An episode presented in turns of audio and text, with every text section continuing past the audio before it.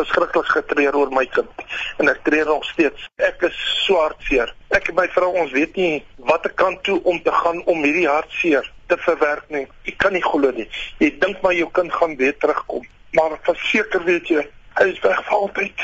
Dit is hoe Gerard Versagie sy gemoedstoestand na sy seun se tragiese dood beskryf. Ek kan net nie in my hart sien dat 'n 26-jarige jong man, gesond, intelligent en altyd gewillig is om ander mense te help, maak nie saak wie hy is nie, daar aan die grond moet insak as gevolg van nalatigheid. Versagie sê Armand het 3 jaar by Stroop Lubricants in Dankenwil in vereniging gewerk voor hy deur 'n dodelike gas oorval is weens 'n lekplek in 'n pyp. Hy is glo deur een van sy kollegas dood aangetref. Hy sê vir my meneer die hele area was so vol gasse geweest, ons kon nie asemhaal nie.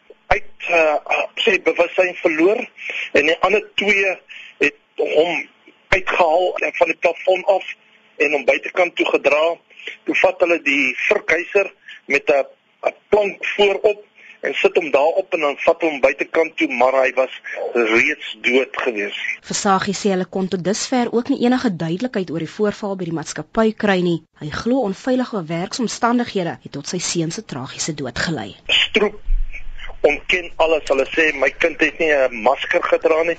Die masker wat van hom uitgereik is, is vir my onvanpas vir die tipe werk wat hy moes gedoen het. En die drie werkers het ook bevestig dat hy wel sy masker gedra het wat hulle hom mee toegerus het.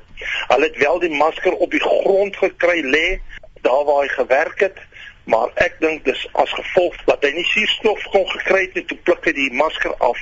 Volgens Versagie het Armand telke male gekla dat die maatskappy nie veiligheidsstandaarde toepas nie. Hy het glo vir sy pa gesê hy vrees vir sy lewe. Hy het ook sy vrese en kommer oor die sogenaamde swak werksomstandighede met die maatskappy bestuur geopper, maar sy klagtes het glo op dowe ore geval. Omtrent so 2 weke voor die tyd het hy gekla en hy vir my gesê: "Pa, daarso, by daai plek gaan ek nog dood." Ek kan nie daar werk nie, daai gasse.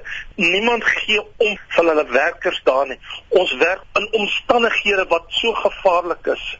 In die dag toe hy oorlede is, het ek gaan kyk. Daar's 'n gebou opgerig wat nie aan die vereistes voldoen nie. Daar's geen ventilasie daarson nie.